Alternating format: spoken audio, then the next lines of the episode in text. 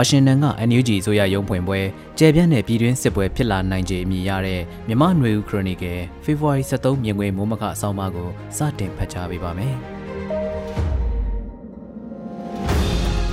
အမျိုးသားညီညွတ်ရေးဆိုရာ NUG ရဲ့ရုံးဖွင့်ပွဲကိုအမေရိကန်နိုင်ငံဝါရှင်တန် DC မြို့တော်မှာဖေဖော်ဝါရီ23ရက်နေ့ကကျင်းပခဲ့ပြီးအမေရိကန်နိုင်ငံသားဝန်ကြီးဌာနကလက်ထောက်နိုင်ငံသားဝန်ကြီးတအူတက်ရောက်ဖွင့်လှစ်ပေးခဲ့တယ်လို့သတင်းတွေထဲပါရှိတာဖြစ်ပါတယ်။ အမေရိကန်နိုင်ငံအစိုးရအနေနဲ့ NUG အစိုးရကိုထောက်ခံကြောင်းထပ်မံပြသလိုက်တဲ့လက္ခဏာတစ်ရပ်ဖြစ်ပြီးမကြသေးမီကအတည်ပြုလာတဲ့ NDA ဥပဒေတဲ့ပါဝင်တဲ့ဘာမှအပ်လို့ခေါ်ဆိုတဲ့မြန်မာနိုင်ငံဒီမိုကရေစီလမ်းကြောင်းပေါ်ပြန်လည်ရောက်ရှိရေးအတွက်အကူအညီပေးရေးဆိုင်ရာအစိပ်ပိုင်းတွေနဲ့ဆက်ဆက်ကြည့်မယ်ဆိုရင်အမေရိကန်နိုင်ငံအနေနဲ့မြန်မာစစ်ကောင်စီကိုပြုတ်ကျအောင်ကြိုးပမ်းနေတဲ့ NUG အစိုးရကိုတန်တမန်ရေးအရာလက်တွေ့ထောက်ပံ့တွေရကူညီမှုတိုးတက်လာတဲ့လက္ခဏာလည်းဖြစ်ပါတယ်။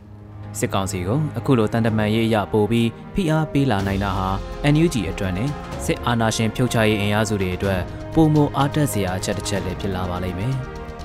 နိုင်ငံတကာမှာတန်တမန်ရေးအရာရုပ်ဝတ္ထုပိုင်းအကူအညီစသဖြင့်အောင်မြင်မှုတွေတိုးတက်မှုတွေရရှိလာခဲ့တယ်လို့မြေပြင်မှာဖြစ်ပွားနေတဲ့လက်နက်ကင်တိုက်ခိုက်မှုတွေအတွင်းပြည်သူလူထုကိုကာကွယ်ပေးနိုင်မှုလဲမဟာဗျူဟာနီးဗျူဟာအရာနီးလန်းရှာကြံလှုပ်ဆောင်ကြဖို့လဲလိုအပ်နေတာဖြစ်ပါတယ်။ ကြေးရွာတွေမိရှို့ခံရတဲ့အဖြစ်အပျက်တွေတက်နိုင်တဲ့၍လျော်နေသွားအောင်လူသားချင်းစာနာမှုအကူအညီလိုအပ်နေတဲ့နေရာတွေမှာအကူအညီပေးနိုင်အောင်ကျန်းမာရေးစောင့်ရှောက်မှုစနစ်တွေပျက်စီးနေတဲ့အခြေအနေအောက်မှာအသက်မဆုံးရှုံးရအောင်အရေးပေါ်ကျန်းမာရေးစောင့်ရှောက်မှုတွေဘယ်လိုစီစဉ်ဆောင်ရွက်ကြမလဲဆိုတာနီလန်းရှာကြံလှုပ်ဆောင်နိုင်ကြဖို့အရေးကြီးလိုအပ်နေတာဖြစ်ပါတယ်။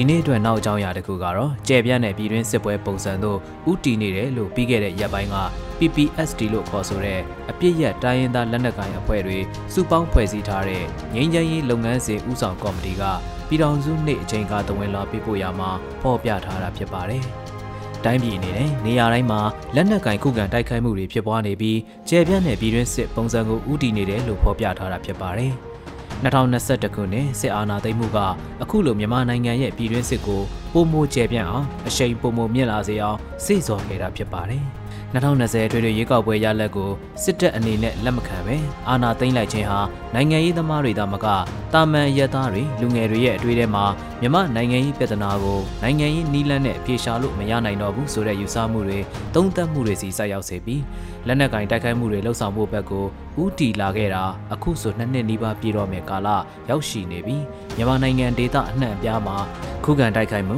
လောက်ကျန်တပ်ဖြတ်မှုနေအိမ်တွေမိရှို့ဖျက်ဆီးမှုရိတ်ခါပိုင်ဆိုင်မှုတွေလူရက်ယူဆောင်ခံနေရတာဖျက်ဆီးမှုတွေနေရအနှံ့ဖြစ်ပွားနေတာပဲဖြစ်ပါတယ်။ PPSD ရဲ့ထုတ်ပြန်ချက်တွေကစစ်ပွဲတွေကနေအခုအခြေအနေမျိုးထက်ပိုပြီးကျယ်ပြန့်လာနိုင်စရာရှိသေးတဲ့သဘောအတိတ်ပဲဆောင်ပြီးလက်ရှိပြင်းပြင်းထန်ထန်ဖြစ်ပွားနေတဲ့စကိုင်းတိုင်းကရင်ပြည်နယ်မကွေးတိုင်းအထက်ပိုင်းတွေအပြင်အခြားသောဒေသတွေမှာပါစစ်ပွဲကထပ်မံကျယ်ပြန့်လာမဲ့သဘောမျိုးလည်းဖြစ်ပါတယ်။ ငြိမ်းချမ်းရေးလုပ်ငန်းစဉ်ဦးဆောင်ကော်မတီဟာ2016ခုနှစ်မှာဖွဲ့စည်းခဲ့တာဖြစ်ပြီးတိုင်းရင်းသားလက်နက်ကိုင်အဖွဲ့10ဖွဲ့ပါဝင်ပြီးစတင်ခဲ့စဉ်က KNU ရဲ့ဥက္ကဋ္ဌမူတုစေဖို့ကဥက္ကဋ္ဌတာဝန်ပေးအပ်ခြင်းခံရပြီးအခုနောက်ပိုင်းမှာတော့ RCSS ရဲ့ဥက္ကဋ္ဌဆက်ရွက်စစ်ကဥက္ကဋ္ဌတာဝန်ယူနေတာပဲဖြစ်ပါတယ်မြန်မာနိုင်ငံဒီမိုကရေစီလမ်းကြောင်းပေါ်ပြန်ရောက်ရေးတနည်းပြောရရင်အာဏာသိမ်းစစ်တပ်ကိုဖျောက်ချရေးမှာစစ်ရေးနီးလန်းကသာအဆုံးဖြတ်ဖြစ်လာနိုင်သလား နိုင်ငံရေးဆွေးနွေးမှုတွေကရောအတိုင်းအတာတစ်ခုထိအသုံးချဖို့လိုအပ်သလားစတဲ့မဟာဗျူဟာဆိုင်ရာမေးခွန်းတွေကတော့အခုချိန်ထိရှိဆဲဖြစ်ပြီးစစ်ပွဲတွေဘလောက်ကျယ်ပြန့်လာအောင်မလဲဆိုတာအခု2023ခုနှစ်ထဲစောင့်ကြည့်ရအောင်မယ့်နှစ်တစ်နှစ်ဖြစ်ပါတော့တယ်ခင်ဗျာ